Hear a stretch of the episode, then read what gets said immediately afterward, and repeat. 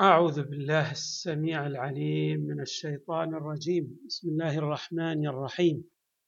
الحمد لله رب العالمين والصلاة والسلام على أشرف الخلق سيدنا ونبينا محمد وآله أجمعين الطيبين الطاهرين.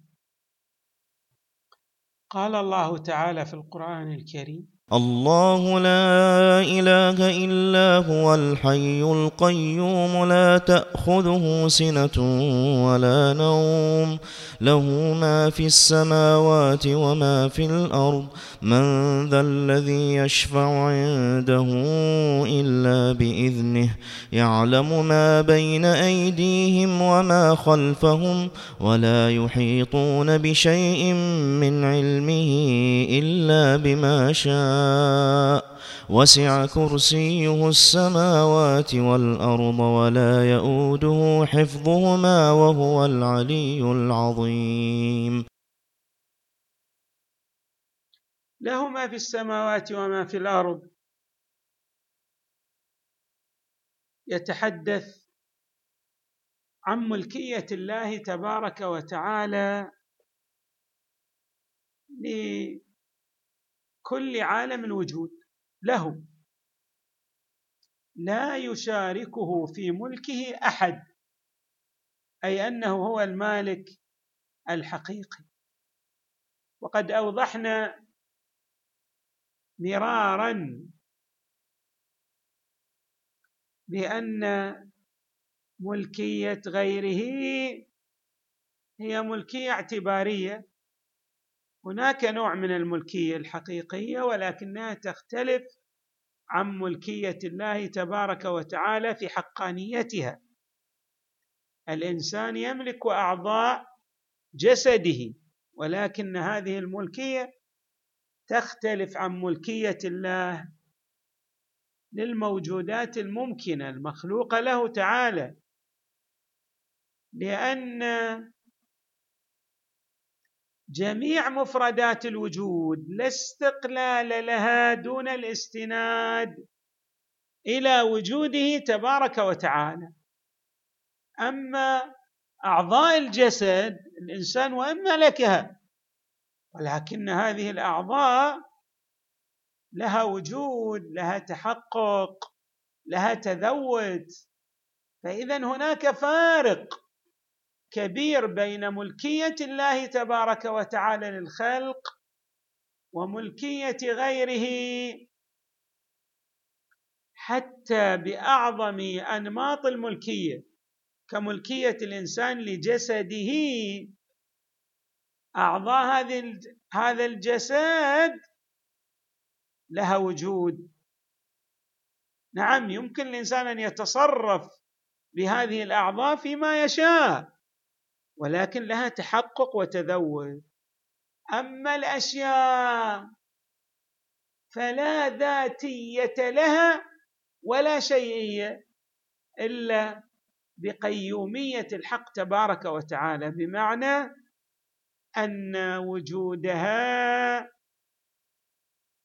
في ارتباطها بوجوده تبارك وتعالى. من هنا أيضا يظهر عندنا إجابة على سؤال يظنه المشركون الذين يقولون بتعدد إله الكون. كمن يقول مثلا هناك إله للخير وإله للشر أو هناك إله للسماوات وإله للأرض. الله تبارك وتعالى يطرد هذه الأنواع من التعدد في ملكية الأشياء.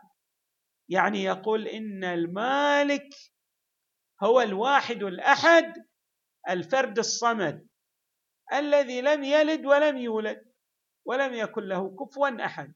وهو المالك الحقيقي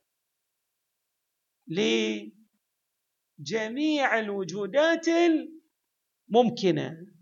اذا اتضح لدينا وبان بأن الملكية لله تبارك وتعالى هي ملكية حقة أو حقانية على يعني تعني أنه لا وجود للأشياء إلا به. هذا المعنى الدقيق لملكيته تبارك وتعالى للأشياء أي أن الأشياء في وجودها تستند إليه تعالى. أما ملكية الخلق فالأشياء لها وجود وتحقق بغض النظر عن المالك لها.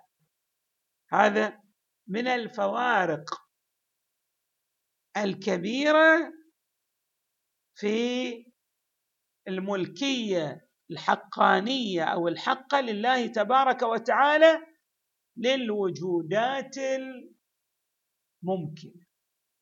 طبعا لما يقول له ما في السماوات وما في الأرض أي واضح أن كل شراشر جميع مفردات عالم الوجود هي لله. يعني ليس بعض عوالم الوجود لغيره وبعضها له.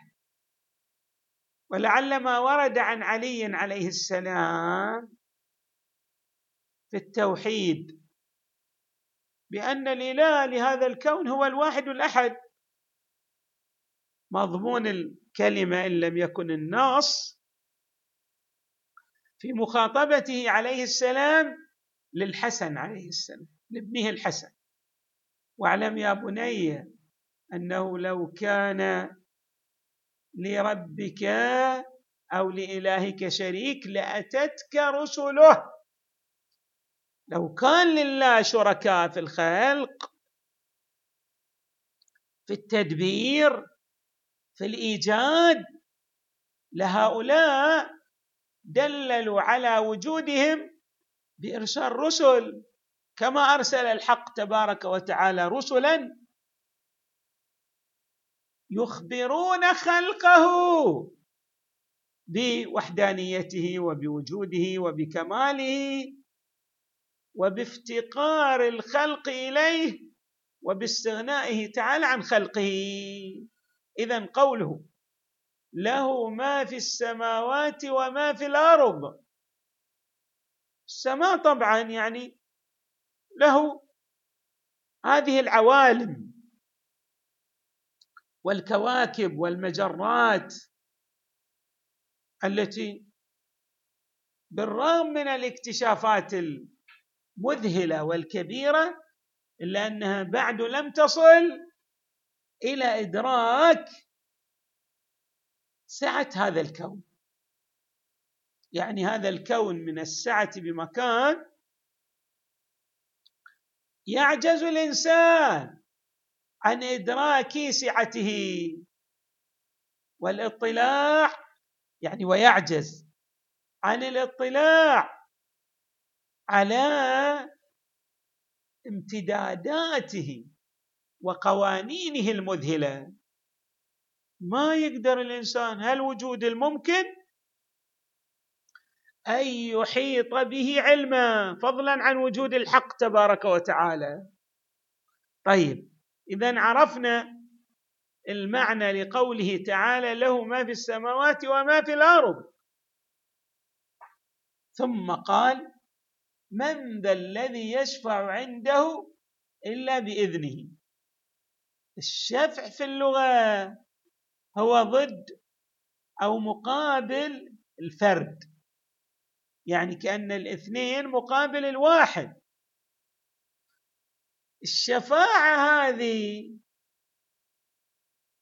معنى هذا معناها اللغوي ولكن تطور استخدام الكلمة فأصبحت تستعمل بمعاني يقترب بعضها مع بعضها الآخر. تستخدم الشفع يعني خلاف الوتر خلاف الواحد. ولكن لما نقول شفاعة يعني هذا انضمام ممن لديه وجاهة لماذا؟ ليؤثر بوجاهته أو لديه قدرة ليؤثر بقوته. عند ماذا؟ عند شخص يستطيع أن ينفع المشفوع له. مثل اثنان حدث بينهما نزاع. وأدى بهما ماذا؟ إلى نعم إلى التشاكي في المحاكم. ولكن ولكن أحدهما أحدهما وصل إلى قناعة أن المسألة لا تنحل إلا بالشفاعة. يروح مثلا إلى شخصيات كبيرة ويصطحبها معه لتشفع له عند خصمه فيتنازل عن الدعوة. هذا أصل الشفاعة. ولكن الشفاعة لها آه، معنى تشريعي. المعنى التشريعي أن الله تبارك وتعالى يجعل الرسل والأنبياء والصالحين من المؤمنين يشفعون لغيرهم. يعني عندهم تقصير في بعض الأعمال. فيأتي المؤمنون في يوم القيامة من ال... الذين ارتضاهم الله تبارك وتعالى. فيشفعون عند الله لتخليص أولئك الذين اجترحوا بعض السيئات أو اقترفوا بعض الذنوب. هذه شو نسميها؟ الشفاعة الشرعية. وأعظم الشفعاء هو المصطفى صلى الله عليه وآله. ومن ثم تأتي الشفاعة لأهل البيت عليهم السلام. وبقية الأنبياء والرسل. وكذلك البقية من المؤمنين هؤلاء يشفعون. وقد ورد أن هذه الشفاعة يعني المؤمن يشفع في أكثر من خمسين ممن استحق النار. اذا عندنا شفاعة شرعية. عندنا شفاعة تكوينية. يعني الشفاعه التكوينيه كما قلنا.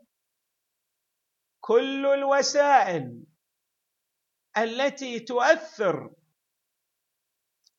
في إيصال موجود إلى كماله من الناحية التكوينية ممكن أن نطلق على هذه الوسائل أنها وسائل شفاعة. مثلا الماء في اروائه للتربة وبالتالي في مساعدته لهذه التربة في إخراج البذور. ممكن أن نطلق على الماء بأنه شفيع من الناحية اللغوية. الشفاعة من ناحية التكوين تختلف عن الشفاعة من ناحية تشريع. التي ذكرناها يجي واحد يدعو الله أن يخفف العذاب عن فلان أو أن يرزق فلانا رزقا حلالا. عندنا لا. ضم موجود إلى موجود آخر يسهم في إيصال ذلك الموجود الآخر إلى درجة أعلى وأرفع. هذا نمط آخر من الشفاعة. طيب ما ورد في هذه الآية المباركة. له ما في السماوات وما في الأرض.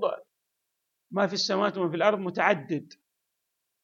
وبعض مفردات الوجود تؤثر على بعضها الآخر. طيب عرفنا. له ما في السماوات وما في الأرض. فيما بعد أيضا الله تبارك وتعالى يقول إذا كانت هذه الأمور لله تبارك وتعالى أيضا يريد أن يبين حيثية دقيقة جدا أن هذه الأمور يؤثر بعضها في بعضها الآخر.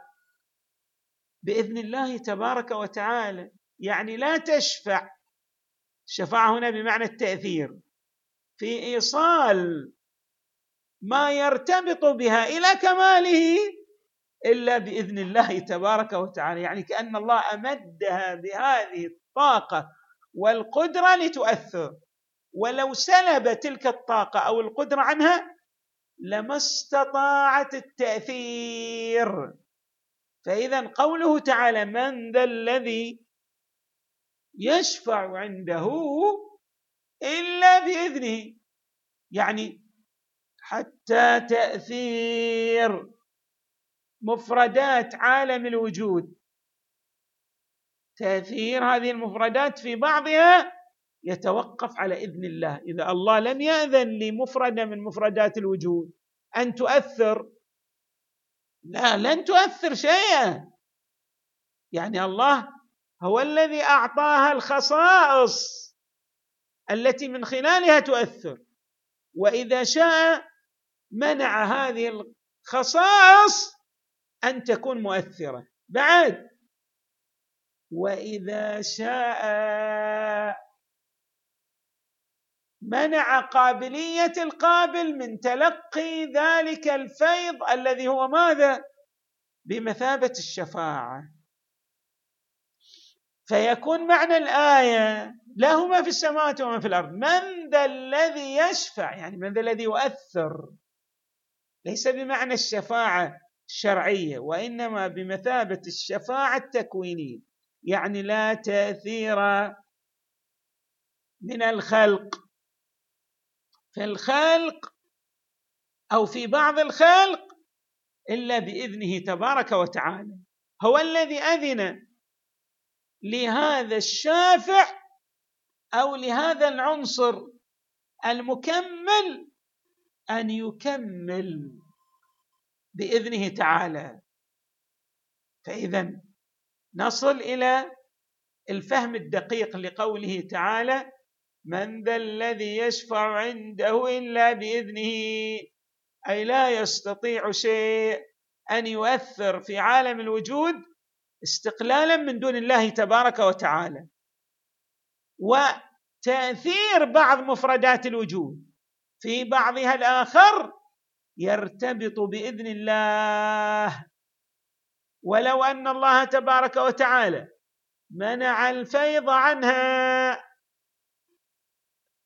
ولم يشأ لها حتى لو كانت موجودة ما منع الفيض عنها لكن لم يشأ الله أن تؤثر هذه الأشياء في بعضها لما استطاعت التأثير لأن التأثير الحقيقي في عالم الوجود إنما هو لله تعالى وحده فقط لا غير.